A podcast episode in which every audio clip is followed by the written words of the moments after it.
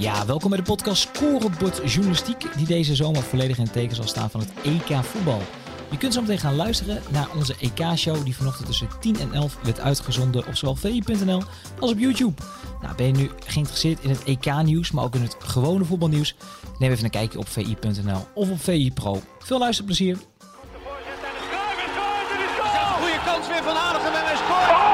PSV pakt de Europa Cup. Kluivert, ja. Van Persie. Erin. Ja. Depay doet het met een Panenka. Ja, goedemorgen. Het is donderdag 17 juni van het jaar 2021 en de oranje koorts stijgt vanavond de tweede groepswedstrijd van het Nederlands elftal tegen Oostenrijk. Ja, Simon Zwartkruis hier aan tafel begint al te lachen. We gaan zo naar Lentin Godijk in zijn uh, iets wat uh, oranje outfit.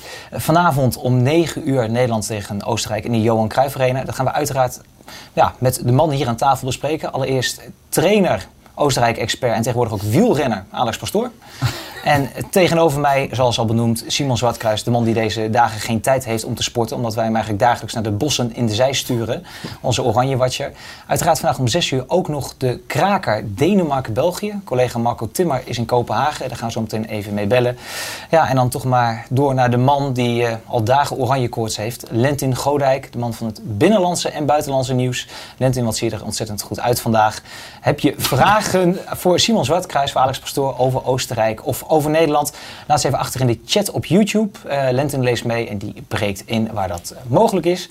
Uh, als we over vragen hebben, een klein puntje. Gisteren kreeg ik de halve Kees Jansma fanclub over me heen. Want waar is Kees? Maak je helemaal geen zorgen. Kees is niet ziek. de geruchten over dat hij gestopt is kloppen ook niet. Kees zit lekker thuis. Ik is nu naar deze show aan het kijken. Kees, goedemorgen. Uh, maar ja, Simon, jij bent uh, ja, ervaringsdeskundige wat betreft eindtoernooien. Je moet je sterspelers soms een beetje rust gunnen, toch? Jawel, Kees moet even lekker een massage pakken vandaag. Eventjes een, uh, de spa in. En dan is hij volgens mij morgen weer terug. Hè? Morgenochtend zit hij, hij gaat mentaal zich voorbereiden op vanavond. Hij is in de Johan Cruijff Arena en morgenochtend op deze plek Kees Jansma. Zie ik hem vanavond ook. Leuk. Uitstekend. Alex, fijn dat je er bent. Goedemorgen. Goedemorgen. Um, ja, een trainer zonder club is alle tijd om alle EK-wedstrijden te kijken. Ja, je zei trainer, Oostenrijk-expert en wielrenner. Eigenlijk ben ik alle drie niet. nou, bij deze. Uh, maar zelf benoemd, wielrenner en een beetje Oostenrijk kennen ben ik natuurlijk wel. Precies, precies. Nou, wielrennen, ik zal meteen even erin gooien. Dat uh, is misschien een beetje, een beetje gek, maar jij komt hier en alle gasten komen hier graag langs. Ik vind het leuk om erbij te zijn. Ja. Mijn collega Pieter Zwart, uh, Kees Jansma en, en, ik nu ook vanochtend. We moeten allemaal doneren voor jouw doneren. Ja, Simon nu ook. Bij deze. En Linten eigenlijk ook nu. ja. Leg het even uit, uh, Alex. Ja, ik heb een, uh, altijd een bloedhekel aan fietsen gehad. Maar omdat ik geblesseerd ben geraakt aan mijn enkel, ik loop liever, uh, moet ik wel fietsen van ellende. En daar ben ik 2,5 maand mee begonnen. En een vriend van me die fietst, doordat zijn dochtertje gehandicapt is, spierziekte heeft, onder andere, voor het goed doel. En dat is voor het Prinses Beatrix Fonds. En die heeft me alles gevraagd om mee te fietsen. En toen zei ik altijd van ja, fietsen is niet voor mij. En uh, bovendien weet je nooit waar ik werk in de zomer. Dus uh, dat gaat hem niet worden. Um, maar nu was het een moment uh, ja, om van de nood een deugd te maken. Dus ik fiets voor het goede doel. En alle pijntjes die erbij komen kijken, die, ja, die neem ik maar voor lief. En volgende week zondag gaan we de Friese fiets Elfstedentocht gaan we fietsen. En we proberen gewoon zoveel mogelijk uh, ja, geld bij elkaar te fietsen. En ja, nu die wet Oostenrijk en Nederland bij elkaar in de pool zitten, word ik natuurlijk van, uh, vanuit Oostenrijk en hier gevraagd van ja, wat vind jij ervan en wat weet je ervan, et cetera, et cetera. En als aan mij gevraagd wordt, zoals gisteren een keertje of zes, uh, heb je tijd om er even over te spreken? Dan zeg ik eigenlijk niet, maar op het moment dat je wat doneert, dan, dan wil ik daar zeker even tijd voor maken. Voor, voor het goede doel, dus ja. wat dat betreft. Dus op spieractie.nl, uh, in combinatie met mijn naam, dan, dan kom je op mijn persoonlijke site. En daar schrijf ik wat op en daar zet ik foto's op. Gisteren hebben we nog uh, 80 kilometer gefietst. Ja, en uh, ik vind het ook echt steeds leuker worden. Dus ik denk dat ik dit nog wel even volhoud. Kijk, liefhebber. We gaan 230, 240 kilometer volgens mij. Ja, het is 235. En ik moet zeggen, dat, dat wordt toch wel een heel dingetje. Want nou fietsen we ja, hoogstens 100, 130 kilometer. En dat vind ik al heel wat. Nou, biedt de eerlijkheid ook uh, te zeggen dat we, ja, als we zo'n ritje als gisteren, dat we af en toe als, uh, als gekken over die weg eh, fietsen. En hoe harder de wind is, hoe harder we ook gaan trappen. En Is het wel allemaal gezond eh, met deze temperaturen? ja, dat kun je natuurlijk allemaal afvragen. Maar eh, ja, je kunt überhaupt afvragen of sporten wel zo gezond is. Maar het lijkt wel als het eenmaal in je systeem zit, dan... Ja, als je meedoet, dan denk ik altijd, ja, dan, dan wil je winnen ook. Dus wij, wij zijn met z'n achten, hebben we eh, startbewijzen via het Prinses Beatrix Fonds. En dan probeer ik ook het meeste te fietsen en het meeste geld bij elkaar te halen. En het meeste te oefenen en eh, het hardste te fietsen. Ook nu weer competitief. Ja, Ja, ja, dat, dat, Ja, prima. dat is moeilijk. Wordt regelmatig voor gek versleten, maar ook dat gaat allemaal vanzelf wennen. Nou, we gaan storten. We gaan starten. We hebben, veel kijkers en ik vermoed dat mensen dit zo'n mooi doel vinden dat ze wel even eh, aan meedoen. Ik Eh, hoop het. Ik hoop het ook. We gaan even naar het eh, EK-moment. We vragen alle gasten even, wat is jouw EK-moment? Ja. En jij komt toch wel met een eh, nou, episch moment, kunnen we zeggen. Eh, 1988, ik heb opgezocht, jij was 21 jaar en je voetbalde volgens mij bij Duinrand, als ik mij niet vergis. Ja, En eh, toen eh, was het voor mij Ruud Gullit die een, een bal binnenkopt. ja. Als het goed is kunnen we dat ook zien. Ja, is, slaat eh, met is zijn Ruud. hoofd. Nou, ik wou zeggen, zo hard schoten wij niet. Zo hard kopte hij wel. Wat was de reden voor dit moment, eh, Alex? Nou, wat ik zo eh, ongelooflijk mooi vond, is dat... eh, kijk, hij was eh, de aanvoerder van, eh, van het Nederlands elftal. Hij eh, was net van, eh, van PSV naar Milaan gegaan. En ja, hij was echt ons boegbeeld. En ehm, hij had een, volgens mij een hartstikke goed seizoen achter de rug. En toen dat toernooi ging beginnen, toen bleek dus dat... Eigenlijk was hij mentaal en, en fysiek ja, was die citroen al leeggeknepen. En, en toen kwam nog het moment om te shinen. Maar omdat hij niet echt, zoals bij Milan dat seizoen, kon shinen, heeft hij zich gewoon volledig als teamplayer opgeworpen. En heeft gewoon een totaal andere rol aangenomen. Uit, in feite uit de schijnwerper. En anderen kwamen eh, in de schijnwerper. En ik vond het eigenlijk eh, eh, ja, zo mooi. Toen heb ik me dat wat minder gerealiseerd. Maar zeker achteraf en zeker als trainer. Ja, vind ik zo geweldig dat hij nou alsnog zijn beloning daarvoor kreeg. Dat, dat ik dat wel als moment naar voren wilde halen. Nou, een mooi moment. Eh, gisteren zat Aten Mos op jouw plek. Eh, die vertelde ook dat hij na afloop van die finale nog eh, tot diep in de nacht in het gewoon met de Oranje Spelers op pad was geweest. Stond jij nog in de, bij de grachten in Amsterdam? Of hoe heb jij dat beleefd destijds, 88? Nou, het was 81 en ik weet nog heel goed, dat begon al toen we van de Duitsers wonnen. Ik woon in een kustplaatsje in Groet en daar komen nog wel wat Duitse toeristen. En bij ons eh, plaatselijke café Merenboer, daar werd het nogal druk. Het was mooi weer, dus iedereen stond op straat. En mijn vrouw en ik, die hadden net een minietje gekocht. En eh, dat minietje ging ook bijna op zijn kant. Godzijdank hadden we een geel kenteken, dus daarom mochten we doorrijden. Maar er gingen een hoop Duitse auto's. Dus eh, ja, Café Merenboer, daar hebben we wel een hoop van onze spaarcenten heen gebracht. eh. het, was, het was gezellig. Het was lang Wat jij, wat jij zei over die, de- de- dat spotlicht van Gullit en van Basten, dat kwam trouwens la- jaren later, in 2014, nog een keer terug bij Oranje. Toen eh, onze collega Henk Hoytink van Dagblad Trouw aan, aan Robin van Persie eh, maakte dezelfde vergelijking van... En jij bent eh, de, de, de aanvoerder, net als Gullit dat in 88 was. Maar op dat moment was Robben meer aan het shinen, zeg maar. Ja. Dus die trok die parallel. En, en dat viel helemaal verkeerd bij, eh, bij Van Persie. Die had zoiets van, eh, oh, zit je nu te zeggen dat anderen beter zijn dan ik? Ah, ja, ja, ja. dus dat, dat is ook echt wel een dingetje voor die spelers. En dat maakt de, de, zeg maar, de, de opoffering die Gullit maakte toen in dat systeem en in die ploeg. nog des te mooier volgens Ja, mij. Dat speelt echt wel een rol, ja. Als je dan op een gegeven moment een tijdje in de voetbalwereld werkzaam bent, dan spreek je wel eens iemand en als je dan hoort dat, ja, als dan Nederland zelfs al die gang binnenkwam en hij kwam voorop, weet je, hadden ze nog iets te kleine broekjes, maar ja, zo'n atleet en die kwam dan, weet je, en wij dachten, nou, daar gaan we eens even lekker voor zitten, wij hebben Gullit. Ja, In tegenstander die dacht toch echt, kut hij dat ook weer mee. ja. En in feite stond je met hem eh, al 1-0 voor. En ik vind dat eh, ja, lange tijd ja, hebben eh, andere spelers op een andere manier een hele goede rol vervuld. Maar hij was ook nog eens boegbeeld en echte captain. En ja, daar mocht je toen al heel graag naar kijken. En nu heeft het, ja, als je wat ouder wordt, maar ook als je trainer bent, toch wel een wat diepere laag. Zo'n voorbeeldrol in goede en in slechte tijden. Dat, eh, dat, eh, ik vind dat mooi om dat aan voren te halen. ja.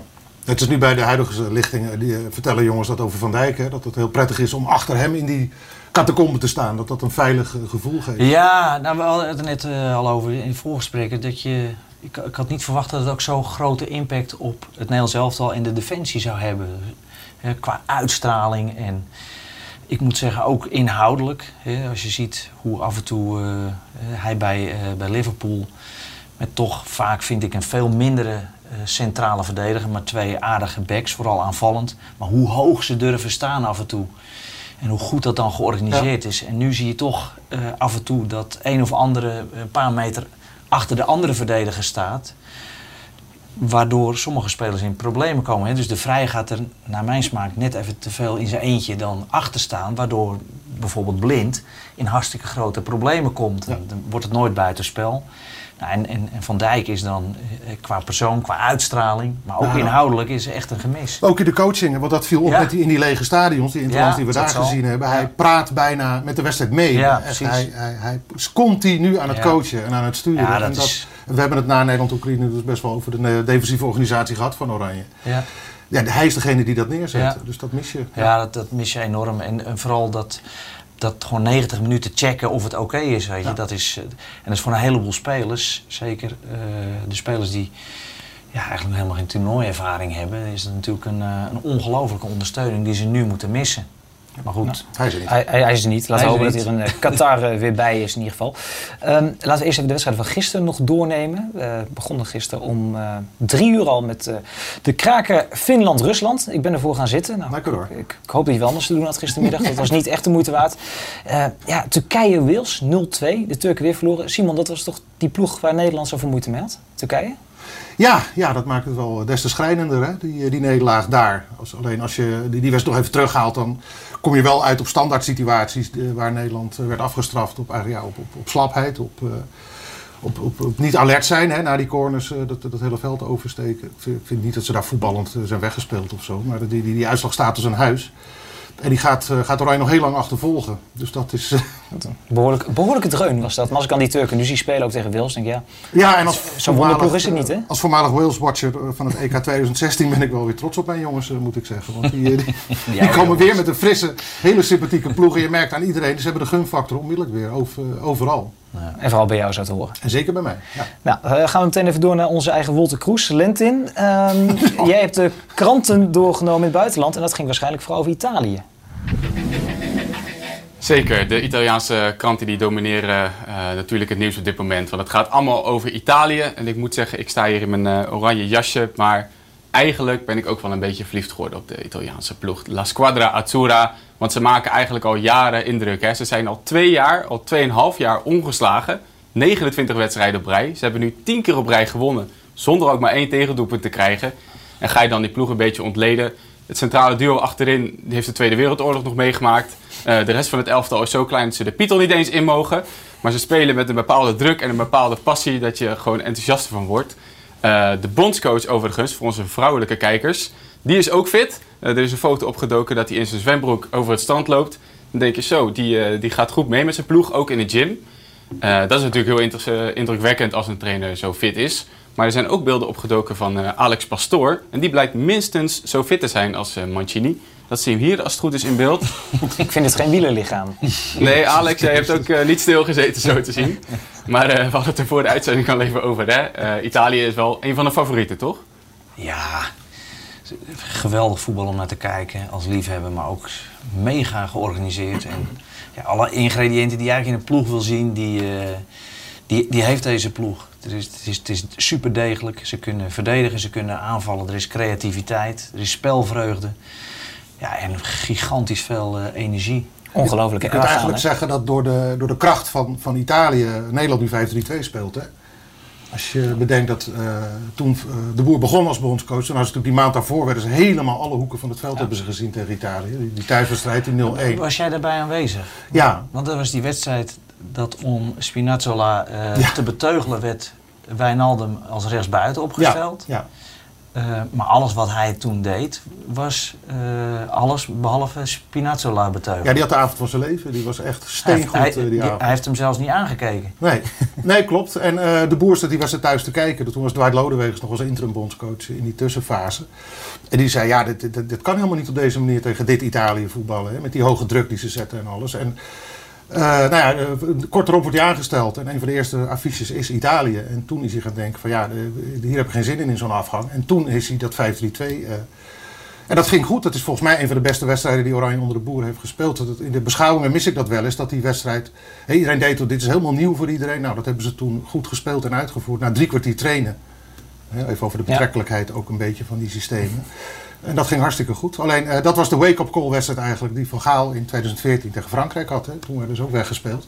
En dat was voor Van Gaal het moment om naar 5-3-2 te gaan. Ja, zo gaat het ook wel eens natuurlijk. Dat hoeft niet altijd. eh, ik weet nog dat AZ kampioen werd in 1981. Dat spelsysteem 4-4-2, dat speelde volgens mij niemand in Nederland. En dat is ook na een hele slechte wedstrijd op een Spaans toernooi en een nachtje doorzakken is dat eh, ontstaan. Oh ja? En Hoe zat dat met dat doorzakken dan? Ja, ze verwijten elkaar eh, nogal wat, heb ik begrepen, van, eh, van spelers die toen speelden. Eh, ik was, nou, ik denk 14 of zo, of 15 en, eh, en, en groot fan. Ehm, en die verwijten die gaan wat makkelijker met een, met een promillage van 1,9 dan, dan, dan vaak in een gemiddelde training. Dus, dus zo zijn een heleboel plooien gladgestreken. Ja. Dus dat hoeft ook niet altijd. En overigens, die 5-3-2 had, was maar 45 minuten goed tegen Italië destijds. En zo goed als Italië in de eerste wedstrijd was, waren ze in de tweede wedstrijd ook niet. Nee. Dus. Maar goed, het is altijd de vraag, moet je dan je systeem helemaal aanpassen om, eh, om een opkomende back te beteugelen? Hè, als je, Hoe zou je dat doen dan? Wat, nou ja, je hebt zelf een bepaalde speelwijze. En eh, in het internationale topvoetbal wordt eh, in 9,9 van de 10 gevallen alleen maar zone eh, gespeeld. Dus dan maakt het eigenlijk niet zoveel uit hoe de tegenstander speelt. Er wordt gewoon in jouw zone eh, een ander gedrag verwacht als de bal bij jou in de buurt is. Nou, en dat, dat kun je in, in alle andere systemen ook doen. Ik bedoel, vaak zijn er voor, voor tegenstanders allerhande oplossingen.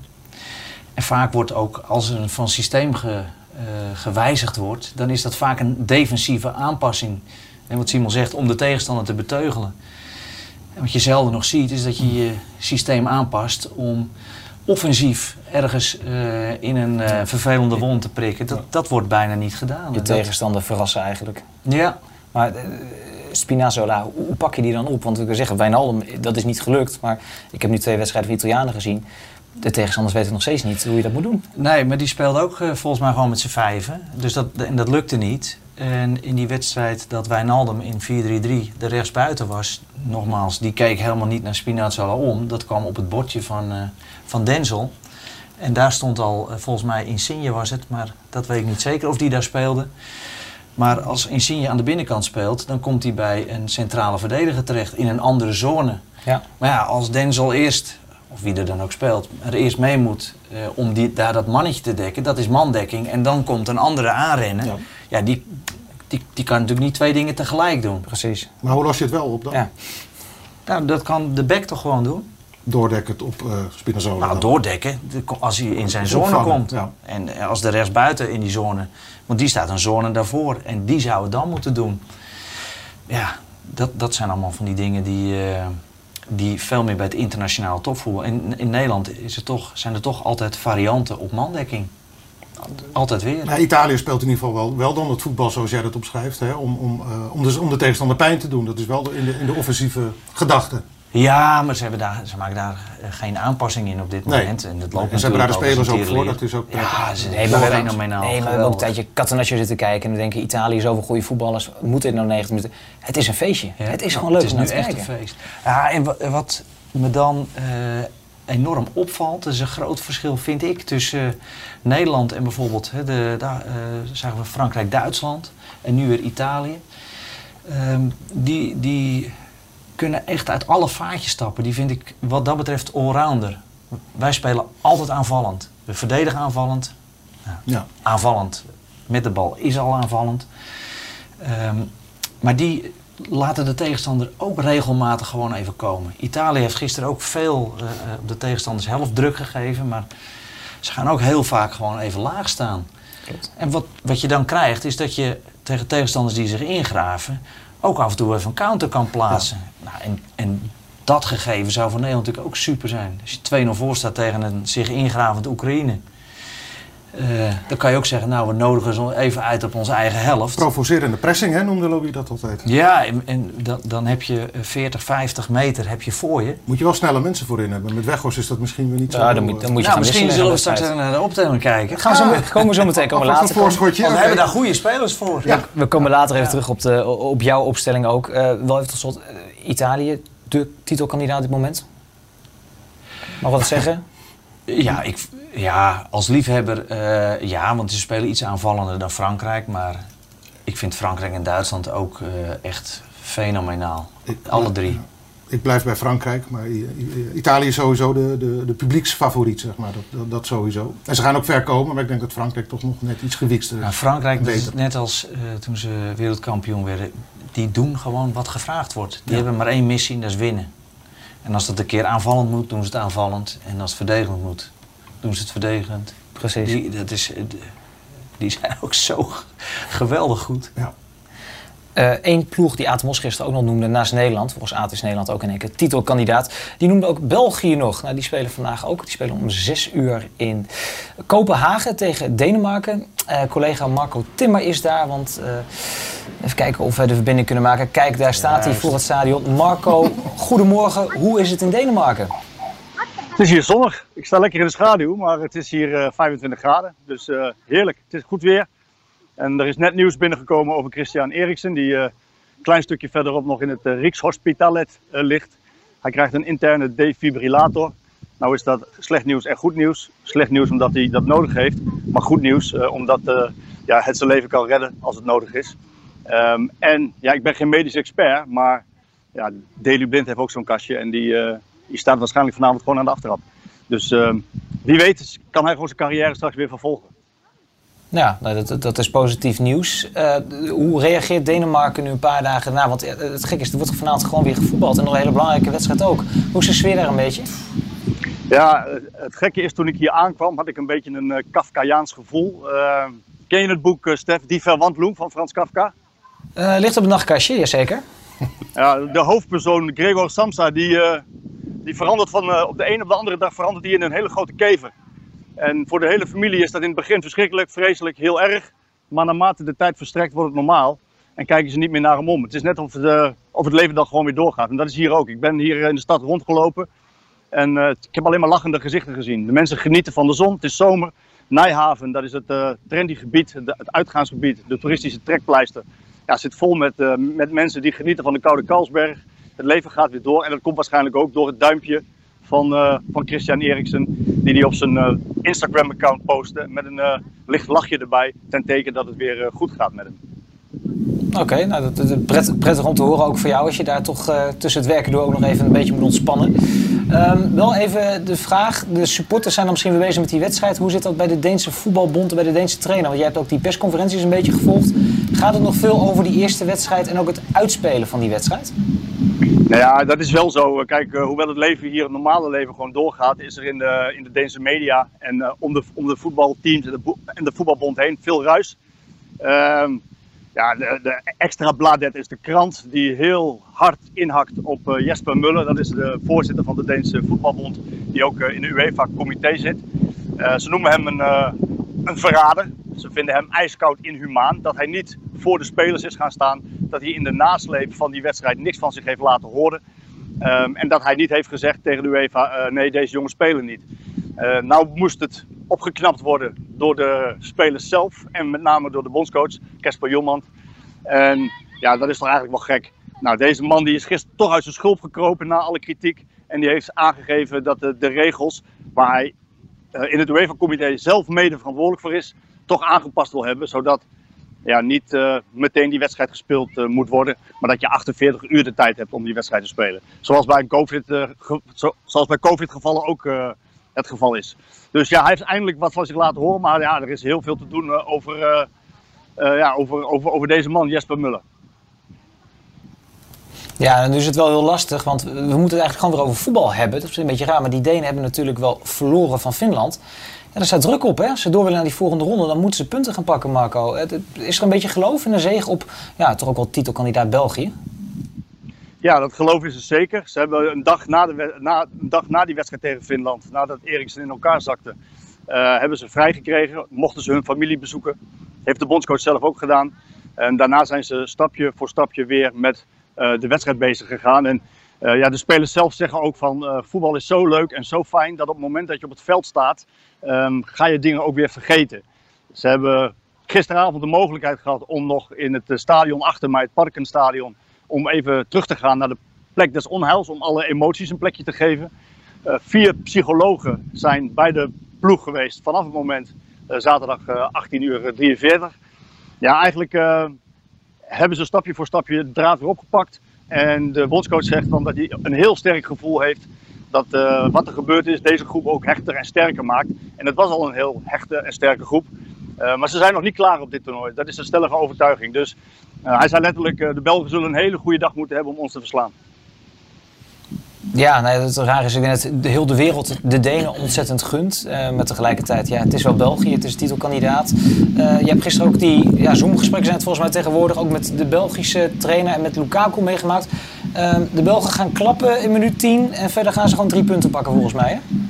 Ja, Lukaku was daar eh, heel duidelijk over. Hè. Hij is natuurlijk uh, ploeggenoot van Eriksen bij Inter. Hij heeft contact met hem gehad via de app.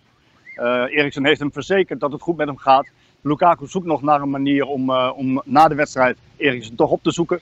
Hij zei desnoods trap ik in de wedstrijd in de tiende minuut de bal zelf buiten de lijnen. Natuurlijk applaudisseren we mee. Maar daarna is er geen medeleven in het veld. Topsport is meedogenloos. Op het hoogste niveau moet je meedogenloos zijn. Wij komen hier om te winnen. wij hebben één doel en dat is de EK winnen. Dus ja, ze zullen gemotiveerd België tegenover zich krijgen, de Denen. Nou, het belooft een mooi potje te worden vanavond om 6 uur in Kopenhagen. Uh, tot slot, jij schrijft allemaal verhalen voor VI Pro, voor het magazine. Nou, je doet dit soort dingen. Maar je bent ook nog bezig met PSV als PSV-watcher. Um, Alex Pastoor zit hier en die kent hem vrij goed. Denzel Dumfries, wat is het laatste nieuws? Die gaat weg deze zomer? Ja, die wil een stap maken. Die heeft daardoor uh, ook niet zijn contract verlengd. Het was een aanbieding van PSV, die wilde hem nog graag houden. Maar dat heeft hij terzijde geschoven, omdat hij ja, verder wil kijken. Hij is, hij is klaar voor een stap naar het buitenland, zegt hij. had graag afscheid genomen met de titel. Nou, dat is dan niet gelukt. Maar een oude bekende, Marcel Brands, Everton, die, die wil hem graag naar Engeland halen. Maar ja, de club van Lukaku, Inter, ja, die wil ook aan de onderhandelingstafel. Dus ja, als Denzel Dumfries zo doorgaat met goed spelen bij Oranje, ja, dan kan PSV de clubkast goed gespekt zien. Uitstekend. Marco, dankjewel. Veel plezier vanavond. En ja, alle ontwikkelingen in Kopenhagen die kun je volgen op vi.nl, VI Pro en uiteraard in het magazine. Uh, drink er nog eentje vanmiddag, Marco, als het daar zo warm is. Alex, uh, Inter, Everton, Denzel Dumfries? Dat zijn niet de minste clubs. Had je dat voorzien toen jij hem in je elftal kreeg? Nou, dat zou wel erg opportun zijn. Nou, je, je ziet wel in spelers iets dat er, dat er meer in zit dan het niveau waar ze op dat moment spelen. Dus er was wel wat voorzien. Maar dat hij zich zo gemakkelijk, ook mentaal, verder zou werken, dat had ik niet zo snel verwacht. Een mooie foto nog uit, uit die tijd. Ik heb even opgezocht. 20. Ja. 20... Pak ik die bal van hem af nu of wat? Ja, jij pakt die bal van hem af, ja. Jij wilde ingooien. Ja. ja, dat deed hij altijd vrij lang over, moet ik zeggen. 20 februari 2015 laat jij hem debuteren. En dat is, dat is grappig nu, na, na zijn goede optreden, na zijn doelpunt. Ik weet inmiddels alles over Denzel Dumfries. Ik weet dat hij vroeger de patat liet staan. Ik weet waar hij buiten speelde. Ik weet wie zijn vriendjes waren. En ik weet ook dat jij hem liet debuteren. Want jij bent een beetje ook Denzel Dumfries uh, watje geworden deze week. Iedereen wil wat weten over Denzel. Uh, ja, wij hebben een extreem goede band. Uh, maar dat heb ik met, wel uh, meer spelers. Maar je krijgt ook wel eens wat dingen terug die destijds gebeurd zijn. Uh, waarvoor je, waarvan je dan denkt van, poch, hier doe ik het ook als, als mens en als trainer voor, weet je wel. Dus dat ze, dat ze snappen waarom je sommige dingen zei of deed. en dat je daar ook voor waardering voor krijgt, weet je. Dat is toch altijd leuk om te horen. En ik vind dat wel een van de dingen waarom dit vak zo leuk is. Heb jij nu nog steeds contact met hem, ook rondom die wedstrijden, of is het nu nou, stil? Nou, het lijkt me verstandig dat het rond deze wedstrijden het contact wat, wat minder is. Maar na die wedstrijd wel natuurlijk, na dit. sowieso altijd als, als, er, als er iets gebeurt van welke aard dan ook, dan, dan hebben we wel even contact.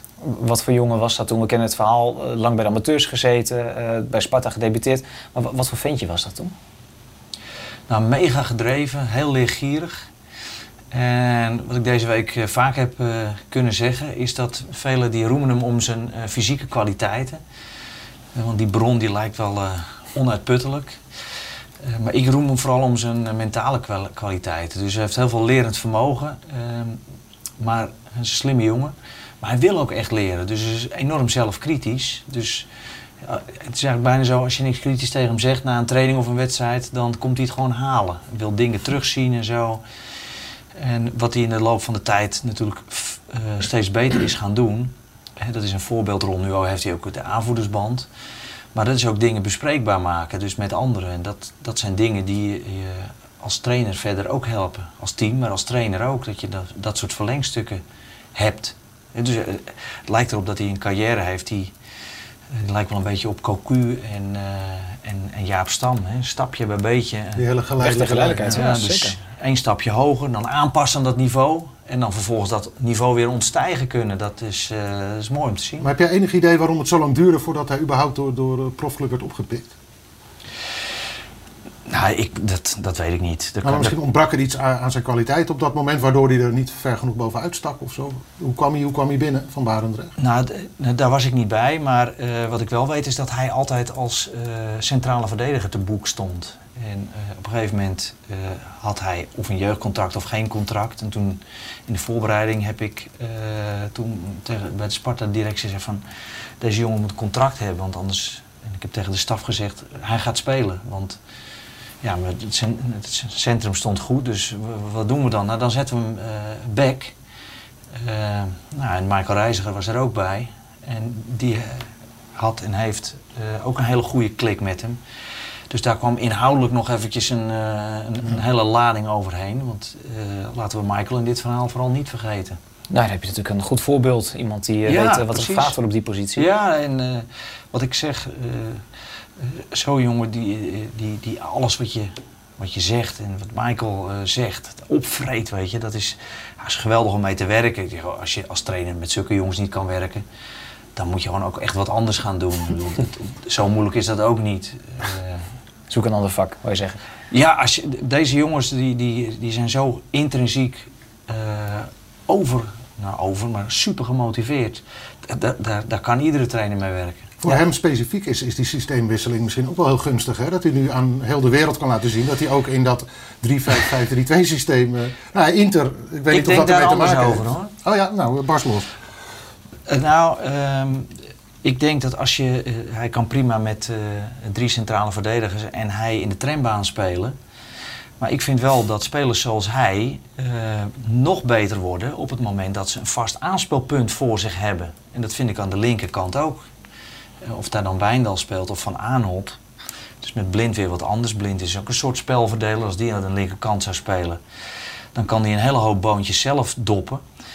Maar ehm, op het moment dat zij hè, een, een aanspeelpunt voor zich hebben, dan kunnen zij door hun eh, fysieke kwaliteit en hun timing, dan kunnen ze daar iets teweeg brengen.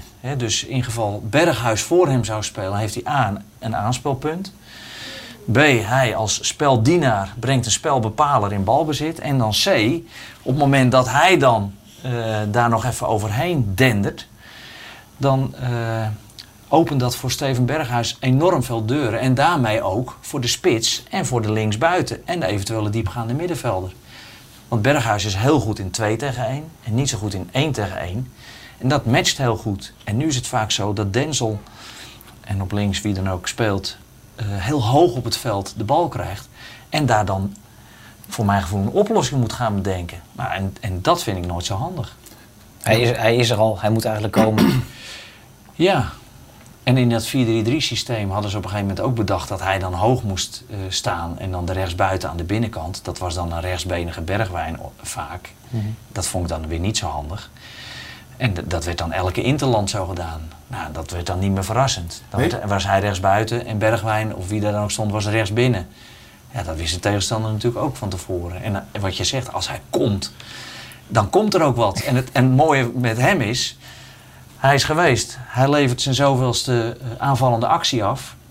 Maar hij is ook eh, met een paar seconden gewoon weer terug. Dus dat is, eh, als je dat bedoelt, Mhm. dat is natuurlijk fantastisch Ja. voor een ploeg. Nadeel kan wel zijn dat, dat, dat de voorzetten vaak van de backs moeten komen. Hè? Dat, Johan Cruijff zei altijd, als jij zo'n goede voorzet hebt, dan was je wel rechtsbuiten geweest in plaats van rechtsback. Ja, maar dat was in dat voetbal. En nu is heel vaak de overlap, wat Ja. dan bijvoorbeeld bij Spanje een beetje mis. Überhaupt diepgang achter de, achter de laatste lijn van de tegenstander. Ja, een, een 2 tegen 1 uitspelen is uiteindelijk veel makkelijker Ja. dan een 6 tegen 5 in het centrum waar het al eh, zo druk is. Dus dat kunnen hele goede eh, eh, deuren openen. Voor het Nederlands elftal eh, zeker. Ja, jouw theorie gaat trouwens ook op links inderdaad voor Wijndal op, die bij AZ had gewend was met die, hè, met die aanspeelpunten voorin links, Idrissi en Wijndal, die kan het- die ja. stond nu echt vaak te, te wijfelen. Wanneer Ja. moet ik en wanneer niet. En- Nou, en die heeft ook. Eh, die, die is eh, heel rustig en overzichtelijk in, eh, in de 16. Dus dat, dat kan hij heel goed. Maar is geen oplossingbbedenker. Nee. Maar in combinatie met iemand, lekker met een rechterbeen, die daar speelt. dan zou dat in, als, als, als, als, nou ja, niet als parodie, maar als alternatief voor dit systeem. met drie spitsen, in mijn optiek, eh, nog wat beter kunnen functioneren. Je bouwt de spanning op hè, voor je Ja. opstelling. Ja, we gaan, we gaan houden echt, we houden nog heel even vast. Nee, het is wel leuk om, om we hebben natuurlijk eh Dumfries allemaal zien komen. ehm, en wat je zegt, weg tegen geleidelijkheid. We hebben een paar beelden van hem klaargezet. Van wat mooie acties, van doelpunten van eh, Denzel Dumfries.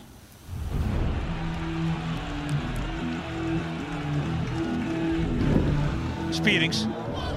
Oh, bij de tweede paal Muiters. En dan zit er kans er wel in. Via Dumfries. Die staat eh, min of meer toevallig op de goede plek. Die bedenkt zich geen moment. En die profiteert optimaal van de halve redding van Muiters.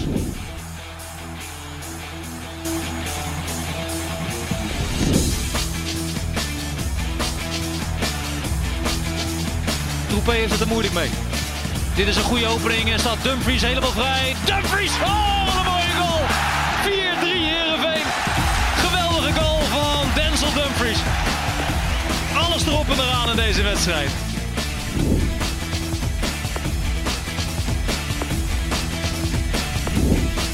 Boskagli. Die legt hem neer voor Dumfries. Prima goal. 2-0. Een eh, best langlopende en eh, zeer aardige aanval van PSV. Besloten de Dumfries. De man kan koppen, hè. We gaan even door naar eh, Lentin Godijk met wat eh, vragen. Lentin, kom nog in. Ja, stuur die kijkersvragen vooral in. Blijf dat doen. Eh, ik heb er een aantal binnengekregen. De eerste is voor, voor jou, Simon. Veel van onze kijkers vinden het eigenlijk jammer dat eh, Timber waarschijnlijk uit de basis 11 gaat. Wat vind jij ervan? Ik vind het logisch. Eh, gisteren betoogde Atemos hier eh, bijvoorbeeld eh, als de vragensteller waarschijnlijk dat Timmer moest blijven staan. Dat je niet aan zo'n winnend elftal moet, moet gaan sleutelen. Maar ik denk dat er heel weinig trainers zijn die een fitte Matthijs de Ligt op de, op de bank neerzetten voor een weliswaar zeer talentvolle, maar ook nog heel jonge en onervaren verdediger van Ajax. Dus Maar- ik, ik vind het compleet Maar logisch. Simon, is het, is het al zeker, want dat wilde de boer niet zeggen. Kijk, wij, wij vullen hem allemaal logisch in. Timber eruit, licht erin. Het kan ook nog zijn dat hij misschien de vrij eh ernaast zet bijvoorbeeld. Of Nee, blind, dat dat hij die rust gaat geven. Nou, dan, eh, dan gaat het iets niet goed als je de vrij ernaast zet. Dus dat, dat, Nee, nee, dat oké. gaat het niet worden. Nee, maar omdat de boer daar wel geen de zin enige over andere was. optie die je nog kunt bedenken is dat Blind eh, op, vanaf links gaat spelen. De, de eerder gememoreerde wedstrijd tegen Italië eh, van Nederland eh, speelde hij daar ook. Hè. Was, eh, Nathan Ake was de, de linksbenige eh, man in het centrum. Eh, maar ja, dat- dat, is niet eh, de verwachting. En, ehm, nee, nogmaals, ik zou het niet weten waarom. Oké, Lentin. Zou jij dat eigenlijk een optie vinden, Alex, met Blind als eh, linker wingback? Ja. Ja, dat is, dat is zeker een optie. Daley Blind kan eh, eh, in principe overal spelen. Ik weet niet of hij ook kan keepen, maar... ik Ook denk, niet onverdienstelijk. Nou, daar ga je al. dus ik denk, die, die heeft zoveel eh, verstand van, van, van hoe het spel gespeeld wordt... Dat, dat hij overal kan spelen. En ik vind dat zeker een hele goede optie. Een andere vraag ehm, gaat over een oude tegenstander van jou in Oostenrijk. Hij is er niet bij dit EK, maar eh, mensen vragen zich af hoe was het om tegen Erling Haaland te spelen? Ehm, ja, die deed volgens mij tegen ons niet mee. Prima. Ja, ja, dan gaan we door. Maar wel een fenomeen, hè? Ook toen al. Ja, ja, die hadden nog wel meer spelers waarvan je dacht, zo, eh, dat is niet onaardig. Maar eh, bij hem ging dat wel echt over de top. Dat je echt dacht van, nou, dit, dit kan niet meer, weet je wel. We hebben natuurlijk een aantal sprints gezien. Ehm, bij Dortmund. Ehm, Maar eh, gewoon een doelpuntenmachine zijn, dat is, eh, dat is voor een team echt eh, dat is zo'n feest. Ja, ja, dat kan ik me voorstellen. Ja, Maar, dat is- maar, maar was, hij toen, was hij toen al zo goed? Was hij toen al, want toen was hij nog wat jonger. Ja, hij, daarom zeg, hij, hij speelde ook niet alles, omdat hij eh, dat waarschijnlijk fysiek nog niet helemaal kon bolwerken. Eh, en bij Salzburg hebben ze sowieso een, een bepaald principe dat er continu gerouleerd werd. Dus dan, ja, dan kan het zijn dat je. Dan keken ze volgens mij niet eens naar de tegenstanders. Maar Oké. ze zitten gewoon in een bepaald fysiek programma. Dat ze eh, in een bepaalde week eh, de nadruk leggen op meer trainen. En dan, en dan moest je gewoon op de, op de bank of zelfs op de tribune. Constant waardes uitlezen en op Ja. basis daarvan bepalen wie er Ja. speelt. Netten, heb jij nog een laatste vraag? Zeker, ik eh, moest denken, misschien dacht Haaland zelf ook tegen die ploeg van Alex Pastoor ga ik toch nooit scoren, dus die sla ik even over. Eh, er komt één vraag binnen over eh Donny van der Beek. Eh, maar er zijn wat geruchten dat hij eventueel zou willen vertrekken bij Manchester United. Hij heeft natuurlijk weinig gespeeld, in tegenstelling tot wat onze eigen bondscoach overigens dacht. Maar Simon, heb jij daar meer informatie over? Gaat hij vertrekken? Nou, ik had, op weg hier naartoe had ik zijn zaakwaarnemer aan de lijn, Guido Albers. En die, die, die zei dat het compleet gelul was. Dat er een gesprek is geweest met de trainer over het volgend seizoen. En dat hij gewoon snel goed fit moet worden. En moet zorgen dat hij op dag 1 de, sterke Donny van de Beek is die ze destijds gekocht hebben. En ehm, en that's it. Dus eh, de, de enige wat je hier dan nog als andere alternatief kan bedenken... is dat het achter de rug om van zowel Van de Beek als, eh, als Guido Albers eh, gebeurt. Maar dat, eh, dat denken zij zelf niet. En ik volgens mij ook niet. Dus eh, nee, Man United volgend jaar. Helder. We gaan even naar de tegenstander van vanavond, Oostenrijk. Ik heb jou al geïntroduceerd als Oostenrijk-kenner. En dat komt eigenlijk vanwege jouw verleden zoals voetballer en als eh, trainer. Rijndorf Altag, moet ik zeggen. Ja. Ehm, februari eh, ben je op vakantie gestuurd daar, eh, las ik in de VI Ja. deze week. Hoe, hoe ging dat? Ja, dat was heel wonderlijk. Ehm, dat, ja, dat idee had ik min of meer zelf geopperd. Eh, we hadden een hele goede samenwerking. De, de, de clubleiding ehm, had er alle vertrouwen in. En het vertrouwen en de relatie wa- waren eigenlijk zo goed dat ik op een gegeven moment het idee kreeg van nou, weet je, ik zei, eh, voetbal op dit niveau vraagt om beslissingen en, en niet om compromissen. Dus, eh, Sportief liep het niet zo goed in die fase. Nee, we halen gewoon tekort punten. Dus eh, dat, dat was ook een hele moeizame zaak. En of ik daar dan schuldig aan was of niet, altijd een beetje natuurlijk. En misschien in meerdere mate ook. Maar iets anders doen heeft meestal natuurlijk helemaal geen effect. Dus dat vonden ze ook wel een, een hele fijne optie. En die, die hebben ze Je, toegenomen. je hebt eigenlijk je eigen ontslag geïnitieerd, of vakantie moeten we zeggen. Nou, ik heb, ik heb in ieder geval dat tuinhek wel opengezet. Eh, Spijt van? Of Nou, in de zin, eh, geen spijt van, want eh, ik vind wat ik vind en ik zeg ook wat ik vind. Maar mm, we hadden als, ik was met mijn vrouw en mijn zoon en dochters woonden thuis. We hadden graag nog gebleven, want we hadden het wel enorm naar ons zin. Een enorm leuke club. Eh, een beetje eh, conservatieve club, maar alles keurig opgebouwd. Eh, echt heel geleidelijke weg gevolgd. Schitterende omgeving, hele leuke mensen. Dus daar hadden we het nog wel even wat langer uitgehouden. Maar je hebt wel wat vakantiegeld meegekregen, neem ik aan. Nou, ik ben nog in dienst, dus Oké. Het is wel een redelijk apart verhaal dit eigenlijk. Nou, ik, ik heb het ook op deze manier nog niet eh, zo meegemaakt. En waarschijnlijk ga ik dat ook nooit meer meemaken. Dus eh, het was eh, heel vreemd als, dat, als je het wel eens leest van ja, is in goed overleg gegaan. Dan denk ik altijd, ja... wat- Ja, die persberichten kennen we allemaal. Nou, hoe Ja. is dat? Dat gaat eigenlijk Dus nooit in goed overleg. niet, nee. Er is altijd één partij het niet Ja. mee eens en vaak ben je dat dan zelf. En nu kon ik het begrijpen en dat kan je ook wel eens vaker. Maar het gekke was dat we met een heel positief gevoel weggingen. En daardoor ook weer met een positief eh, gevoel thuis kwamen. Want, en dat is ook altijd wel weer leuk. En, eh, en we zijn ook nog, eh, nog een week of twee gebleven. Daar hebben we alle tijd voor nodig en eh, eh, genomen. Ja. Maar ze hebben ons ook met alles geholpen. Tot en met het leveren van de verhuisdoos aan toe. Dus dat is eigenlijk zo goed gegaan. Dat Zo graag wilden ze dat je ging.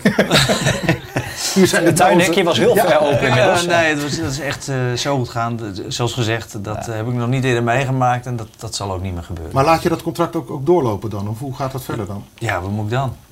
Nou ja, dat zal goed betaald worden. Beter dan in Nederland, stel ik me zo voor. Nou, het is eh, elk bedrag wat je krijgt, is meer dan nul natuurlijk. Ja, Het is gewoon salaris dat gewoon doorbetaald Ja. wordt tot dat contract. Wanneer loopt het af officieel? Eh, 31 mei 22. 22. Nou, dan kun je veel fietsen. Dat, eh dat scheelt. Ja. Ja. Eh, eh, Heel kort daar even over. Eh, Ben je beschikbaar nu als trainer of niet? ja, ik ben vrij om te gaan en staan waar ik wil. En, en speelt er iets of eh, neem even de tijd om rustig het EK te volgen? Nou, en, en ik bedoel, waarom zou ik eh, nu zeggen van eh, ik doe het niet? ik, ik sta voor, voor de meeste dingen open. En als het iets is wat goed bij mij past op dit moment, dan why not? Ik hoor je niet iets concreets op dit moment. Nee, niks concreet. Oké. Nederland, buitenland of voorkeur? Nou, mijn vrouw had gezegd, eh, ik ben weer aan het werk en mijn zoon gaat studeren. Dus eh, het is wel handig als we nu eh, als standplaats Nederland nemen. Maar ja, je kunt ook dat niet als vastigheid neerzetten van... Ja, er komt iets schitterends en dan, dan doe ik het maar niet. Precies. Kijken wat, er- wat er langskomt. Ja, Wat- precies. Oostenrijk, de tegenstander van vanavond. Wat kunnen wij verwachten? We hebben al veel meningen gehoord. De een zegt dat het zijn stel boekhouders. De ander zegt dat het is een hele gevaarlijke selectie. Neem ons even mee, Alex. Eh, Moeten we ons zorgen maken? Boekhouders had ik nog niet gehoord. Ja, gevaarlijk. Eh, gevaar is wat mij betreft altijd eh, als je dergelijke, dergelijke ploegen gaat, onderschatten. Dat is, dat is heel misplaatst. Zo goed zijn we zelf ook niet op de eerste plaats. En ten tweede, ja, er s- staat toch een heel aantal spelers dat zijn brood eh, wekelijks verdient in de Duitse Bundesliga. En dat zijn, eh, de meeste zijn niet overdreven hoogvliegers, maar zijn wel hele degelijke clubspelers. En daar heb je het in feite eigenlijk altijd moeilijk mee. En wat ik deze week ook in jullie blad heb gezegd. We zijn als Nederlanders vaak geneigd om eh, snel te zeggen, dat vinden we niks. Het is meer, eh, dat voetbal staat ons eigenlijk niet zo na aan het hart. Maar het is altijd lastig om van te winnen. En die ervaring heb ik met een heleboel ploegen in Oostenrijk zelf ook eh, gehad. Die wat meer ja, van dat eh windkracht 9 voetbal spelen. Dat doet de, de nationale ploeg wat minder. Maar het blijft zo, win er maar eens van. Doe het maar eens. Nou, we hebben voor de mensen die niet heel veel weten van Oostenrijk ook even een clipje laten klaarzetten. Marko Arnautovic, u kent hem nog wel van zijn tijd bij FC Twente, was met zes goals de topscorer tijdens de kwalificatie voor dit EK namens Oostenrijk. Marco Arnautovic is een fantastisch jong talent, maar hij heeft de mentaliteit van een klein kind, zei José Mourinho ooit over hem toen hij zijn trainer was bij Internationale. De taak is aan bondscoach Franco Foda om de vleugelaanvaller, die sinds 2019 in China speelt, optimaal te laten renderen. Foda ziet Oranje als absolute favoriet in groep C, maar vindt dat de rest van de ploegen aan elkaar gewaagd zijn. Dan moeten de Oostenrijkers wel van beter huizen komen op de eindtoernooien dan de laatste jaren. De laatste overwinning van de Oostenrijkers op een internationaal toernooi was namelijk 31 jaar geleden. Tijdens het WK van 1990 waren de Oostenrijkers met 2-1 te sterk voor de VS. Voor de echte gloriejaren van de buren van Zwitserland moeten we teruggaan naar 1954. Oostenrijk eindigde toen als derde op het WK. De Wiener Schnitzel is het meest bekende Oostenrijkse hoofdgerecht. De apfelstrudel is het meest bekende nagerecht. Beide erg lekker, kan ik je vertellen. De bondspresident van Oostenrijk luistert naar naam Alexander van der Bellen en is oprecht nog ouder dan Kees Jansma. De beste man is 76. Gaan oude tijden herleven bij de Oostenrijkers. Zoals Simon Zatkruis hier nu terecht opmerkt, iemand eh, gooit nu zijn afstandsbediening door het huis heen. Kees, goedemorgen. Eh, eh, toch nog even heel kort, Alex. Ja, Arnautovic uh, geschorst, dat weten we allemaal. Sabitzer, de man om in de gaten te houden, denk ik, hè? Ja, Sabitzer en ja, allemaal is natuurlijk letterlijk en figuurlijk de aanvoerder van dit team. Sabitzer, dat vind ik een geweldige speler. En uh, dat is een speler die heel allround is. En ik vind dat uh, bijvoorbeeld Frankrijk en Duitsland en Italië hebben vergelijkbare middenvelders. Die kunnen aanvallen, verdedigen. Die kunnen uh, in een andere orde van grootte, wat Cruijff altijd zei over Van Hanegem. Als het voetballen niet loopt, kunnen ze gaan schoppen, ze coachen. Ze doen in feite alles. En het is heel jammer dat Nederland niet een dergelijk type heeft. Uh, omdat, ja, als je kijkt naar het maken van opstellingen voor ons ja, dan slaat de balans altijd heel erg door naar het voetbal.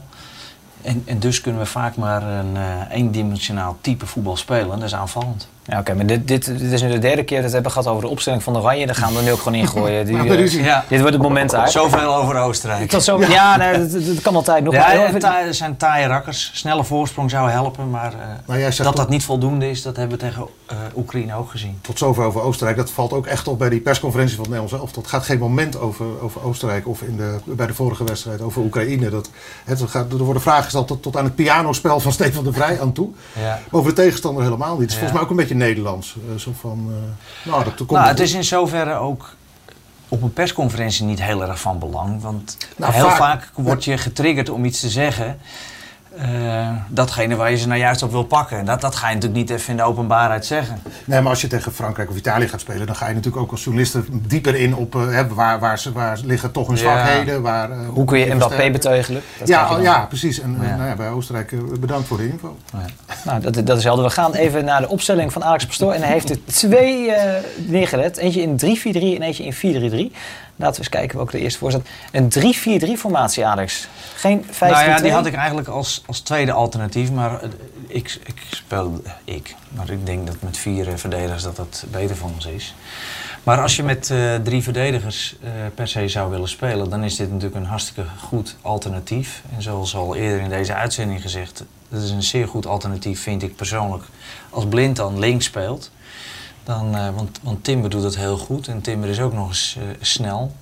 En zijn attitude vind ik ook geweldig. Nou, je hebt dan eh, Blind en Dumfries in de trambaan. En Wijnaldum en De Jong zijn dan de twee middenvelders. En ik vind daarin De Roon een geweldig alternatief. Ehm, en die drie spitsen, ja, dit, die staan dan wat mij betreft niet aan de buitenkant. Want daar vind ik ze persoonlijk niet zo goed. Maar ze hebben zeg maar in ja, Memphis in dat linker voorste kwadrant en Berghuis in dat rechter voorste kwadrant een bepaalde vrijheid. Ik vind dat Memphis nu wel erg veel vrijheid neemt, wat het team niet zo ten goede komt. En wat dat betreft vond ik Insigne gisteren, dat vind ik een heel goed voorbeeld.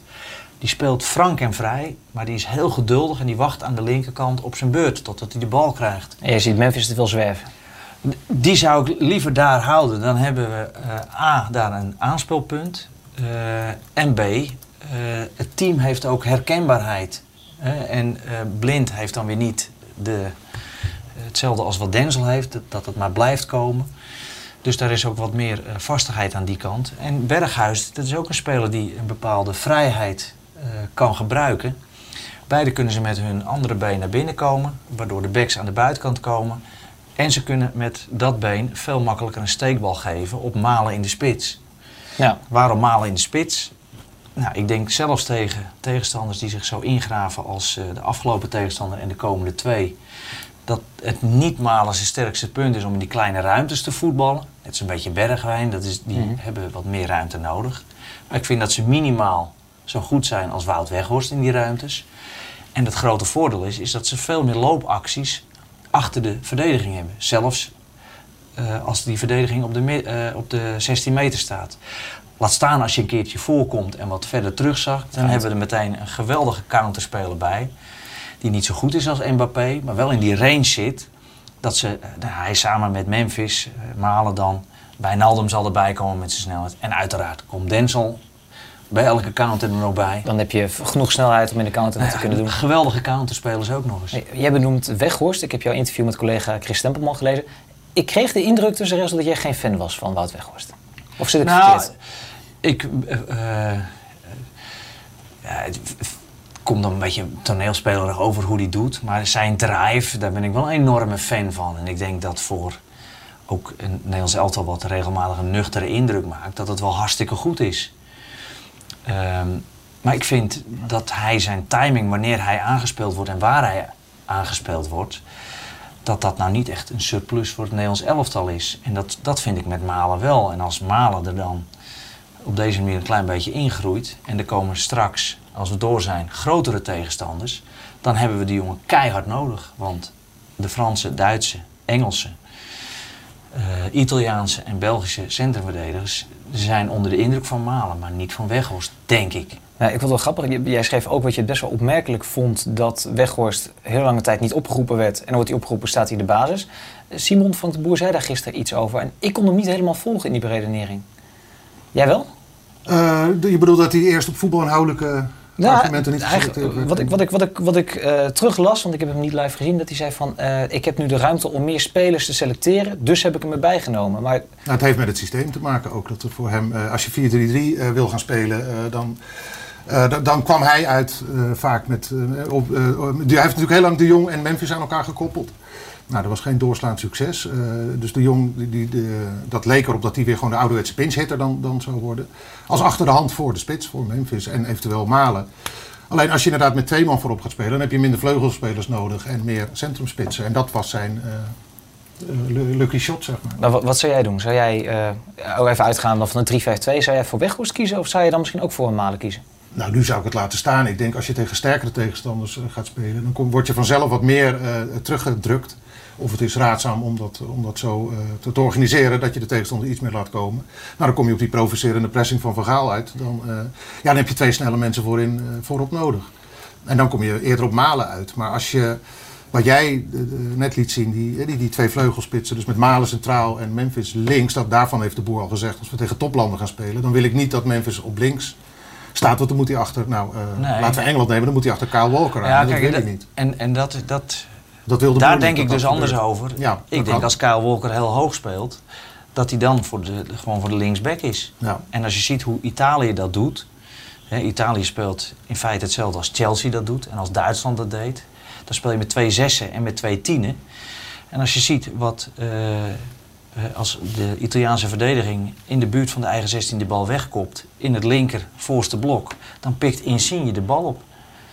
Ja, waarom zou Memphis dat niet kunnen? Ja, nou ja, ik, ik ben het voordeel is ook, de, eh, de, meeste ploegen spelen met vijf. Met die drie spitsen kun je ook meteen op die drie centrale verdedigers kun je druk geven. Dus ja, nee, dat in principe zie ik wel. Zat, zat wegen die naar Rome leiden natuurlijk. Maar het is natuurlijk wel een, een breekpunt bij Oranje geweest het moment. Dat, er zijn twee breekpunten geweest uh, waardoor de, de, de, stijgende lijn is ingezet. Dat was de, de entree van Frenkie de Jong uh, op het middenveld uh, toen hij ging spelen in Oranje. En de vrije rol van Memphis voorin. Die ging, ging scoren en assisten als een, als een dolle. En dat, daar, daar zou ik niet aan gaan sleutelen dan. Want dat is een van de ik redenen waarom ze nog af en toe een goal maken. Dat dit juist een hele vrije rol is. Maar je zegt dat hij een vrije rol invult? Ja, oké. Dat heeft hij tot nu toe gedaan. Maar vanaf nu, als hij iets meer aan de linkerkant blijft... en hij kan ook aan de rechterkant uitkomen... als op het moment dat je de bal verliest... die drie spelers maar weer ingevuld zijn. Dat kan best betekenen dat Malen dan een keer links is... en Berghuis de spits en Memphis een keer de rechter. Ja. Kijk, aanvallend vind ik, moet je deze spelers niet al te veel beteugelen. Die, die nou, gedijen bij vrijheid. Ja. Maar ik zie het nooit zo zitten als ze uh, vlak voor de rechter centrale verdediger uh, komen voor een kaats aan de bal. Weet je, dan moeten we uh, even het beestje bij het schuurtje halen. Het is niet Johan Cruijff die in 1974 de bal haalt bij Wim Rijsberg en dan iedereen voorbij gaat. Zo goed is Memphis niet. En Insigne vind ik, vind ik een geweldige rol vertolken. En een echte hoofdrolspeler. En die heeft ook bepaalde grenzen. Nou, en ik vind dat die grenzen voor Memphis ja, wat wijder opgerekt zijn dan voor Martin de Roon of voor Wijnaldum. Ja, en dat zeker. dat, en dat moet ook volgens mij. Dat is een andere, andere rol in het elftal. Um, we hebben het heel veel over het Nederlands elftal en over het EK. Er is ook nog ander voetbalnieuws, dus we gaan even naar Lent in. Toch? Gaat gewoon door. Ja, want de Spaanse media die staan er helemaal vol van Sergio Ramos gaat vertrekken bij Real Madrid. Ze waren natuurlijk het hele jaar eigenlijk al aan het onderhandelen met elkaar. Hè. Ramos van contact liep af. Real Madrid wil eigenlijk het liefst spelers van zijn leeftijd met één jaar verlengen. Hij vond zelf dat hij nou, minstens drie jaar erbij verdiende als uh, groot icoon van de club. En uiteindelijk, uh, ja, door zijn blessures, heeft hem ook niet echt geholpen en uh, gaat hij nu vertrekken. Er zijn wat clubs die hem graag willen hebben. Manchester United wordt genoemd, City wordt genoemd, PSG en Sevilla zijn oude club. Wat zou je hem adviseren, Ramos? Sevilla is leuk. Sevilla, ja. ja Alex? Dan zeg ik Sparta. Past hij daar? Nou ja, traditionele club. Denk ja. het wel. Maar waar gaat Beugelsdijk dan spelen? Koppeltje. Nou, die gaat. Die wordt alsnog opgeroepen voor Nederlands elftal. en die maakt dan uh, alsnog een sprong. Nou, Real Madrid dan, denk ik. ja, precies, een ruildeal. Dat, uh, ja, gaan we regelen, gaan richting het einde van de show, hoor. Lentin, heb je nog meer? Ja, in, uh, in Breda is de stemming ietsje minder. Want bij NAC Breda is het natuurlijk al een hele tijd uh, onrustig. En duidelijk is geworden dat Ton Lokhoff daar opstapt. En nog geen drie maanden na zijn komst als technisch directeur clubicoon. Eigenlijk een beetje op een vervelende manier dat hij nu eh, vertrekt. En daar gaan we de komende tijd ongetwijfeld eh, meer over horen. En dan nog nieuws uit eh, Barcelona, want eh, Laporta, de nieuwe voorzitter, heeft een update gegeven over Messi. Hij zegt het nog niet letterlijk, maar hij zegt de schoenen van Messi zullen volgend jaar weer in Camp Nou staan. Goed nieuws toch? Als Messi zelf ook in die schoenen staat, dan, eh, dan wel. Ja. Of dat hij daar uitspeelt met PSG in de Champions League of zo? Of- Ja, hij houdt het nog wel een beetje in het midden, een beetje cryptisch. Misschien dat er bij Sparta ook nog wel een eh, contractje voor hem klaar ligt. Ze zeiden ook dat Wijnaldum eh zijn schoenen er al stonden, toch? Dat is waar. Eh, er is ook een vraag in de chat voor jou, Simon, eh, van Adesh. En die vraagt zich af, eh, Memphis, gaat hij slagen bij Barcelona? Ja, dat kun je beter naar Jomanda vragen, denk ik. Maar het, het lijkt mij wel, eh, gezien zijn band met Koeman... En, en dat niet alleen, maar ook de manier waarop zij spelen... eh, dat, hij, eh, dat hij daar wel wat te zoeken heeft. Ja, dat is echt wel zijn, zijn spel. En als ik zie hoe hij eigenlijk al een jaar lang hier, hier naartoe leeft... Hè, want dat bericht Memphis rond met Barcelona... dat hebben we nu 8.483 keer ge- gelezen volgens mij. Eh, dus ja, die, die, die, is een soort leeuw die je uit zijn kooi laat dan, hè, volgens mij. Dus dat, dat zit allemaal wel goed. En ehm, ja, volgens mij spel, spel inhoudelijk eh, past hij daar. Het is eh, alleen eh, de concurrentie, maar ja, dan moet je niet naar, de- naar een club van dat kaliber gaan. Maar ze hebben nogal wat aardige aanvallers lopen natuurlijk. Ja, ze hebben net Aguero natuurlijk gehaald. En als Messi ook nog blijft. Ja. jij kent hem goed. Hoe is Memphis als hij op de bank eh, zou komen te zitten in Barcelona? Ja, dan is hij niet blij. Maar eh, ik, ik weet wel dat Koeman een coach is van wie die eh, dingen aanneemt. Dat ligt bij hem ook heel erg. De, de, de toon van de muziek is, is voor veel spelers belangrijk, maar bij hem zeker. En als je dat gewoon goed uitlegt waarom je tot bepaalde keuzes komt, dan, dan heb je al heel veel gewonnen. Ja, duidelijk. Bent u nog meer of eh, ben je er doorheen? Ik ben er doorheen. Je bent er doorheen. Vroeg me wel af, eh, Frank de Boer heeft gezegd geen eh, contractonderhandelingen in het trainingskamp en zo. Eh, toch lekt alles uit. Voor mij werd eh, Koeman gisteren bij het 50-jarig jubileum van Groningen ook nog even gevraagd naar Memphis. Eh, en nu is het, het komt misschien wel rond, het komt niet rond. Eh, hij is zelf zaakwaarnemer, Simon. Hoe doet hij dat? Ja, nou, hij heeft al, al heel lang eigenlijk een, eh, bepaal, ja, een team van mensen om, om hem heen. En daar zit van alles tussen. Eh, en, en onder andere een jurist bijvoorbeeld. dat is natuurlijk iemand die je nodig hebt als je, als je de contracten moet, eh, moet gaan dichttimmeren. Maar eh, ja, hij doet eigenlijk wat bijvoorbeeld Edgar Davids ook zijn hele carrière heeft gedaan. En, en Arjen Robben ook. Vertrouwen op mensen die dicht bij je staan. En, eh, ja, als er expertise moet worden ingehuurd op bepaalde vlakken, nou, dat, dat is natuurlijk nodig, zeker met die eh, commerciële contracten van tegenwoordig, dan, eh, dan huurt hij experts in. En dat, dat scheelt je een hoop geld, kan ik je vertellen. En dan kan je ook bellen als eh, zijn eh, auteur hè, van het boek. Eh, ja, en ik ben gratis. Dus dat Je bent gratis, dat scheelt weer. Ja. Zo, zo kennen we jou. Eh, nog over de wedstrijden van vandaag even kort doornemen. Eh, want één wedstrijd vergeten we bijna. In die pool van Nederland wordt er nog een wedstrijd gespeeld. Ga je daarvoor zitten, Simon? Noord- Noord-Macedonië tegen Oekraïne? Eh, nou, volgens mij word ik eh, dan gesneltest, zodat ik vanavond het stadion in kan. Eh, nee, ik, eh, dat duurt een half uurtje. Dus eh, nee, de rest ga ik kijken. Ja, natuurlijk. Denemarken-België en dan om 9 uur Nederland tegen Oostenrijk. Kleine voorspelling, heren. Wat eh, denken we? Eh, Nederland gaat door op de ingezette lijn? Alex? Ja, dat denk ik wel. Nog, nog, durven we nog een score aan te hangen? Nou, laten we dan maar 2-1 zeggen. 2-1 staat genoteerd. Simon? Eh, bescheiden 1-0. 1-0. Nou, in ieder geval positief, in ieder geval eh, overwinning. Heren, dank jullie wel voor jullie tijd. Eh, Alsjeblieft. Veel succes met fietsen. Dankjewel. De mensen die dit eh, horen, eh, doneer vooral. Waar konden ze dat doen? Eh, spieractie.nl en dan eh met Alex Pastoor opzoeken, want dan Ja. kun je winnen van de, de collega wielrenners. Ja. Ja, maar ik win niet. Uiteindelijk winnen alle patiënten waarvoor het onderzoek gedaan wordt. Dat is heel mooi. Nou, dat eh, gaan we allemaal na deze uitzending even doen. Jullie bedankt voor het kijken. Veel plezier vanavond, 9 uur in de Johan Cruijff Arena. Nederland tegen Oostenrijk. En Kees Jansma fanclub, morgen zit hij hier weer gewoon. Tot morgen.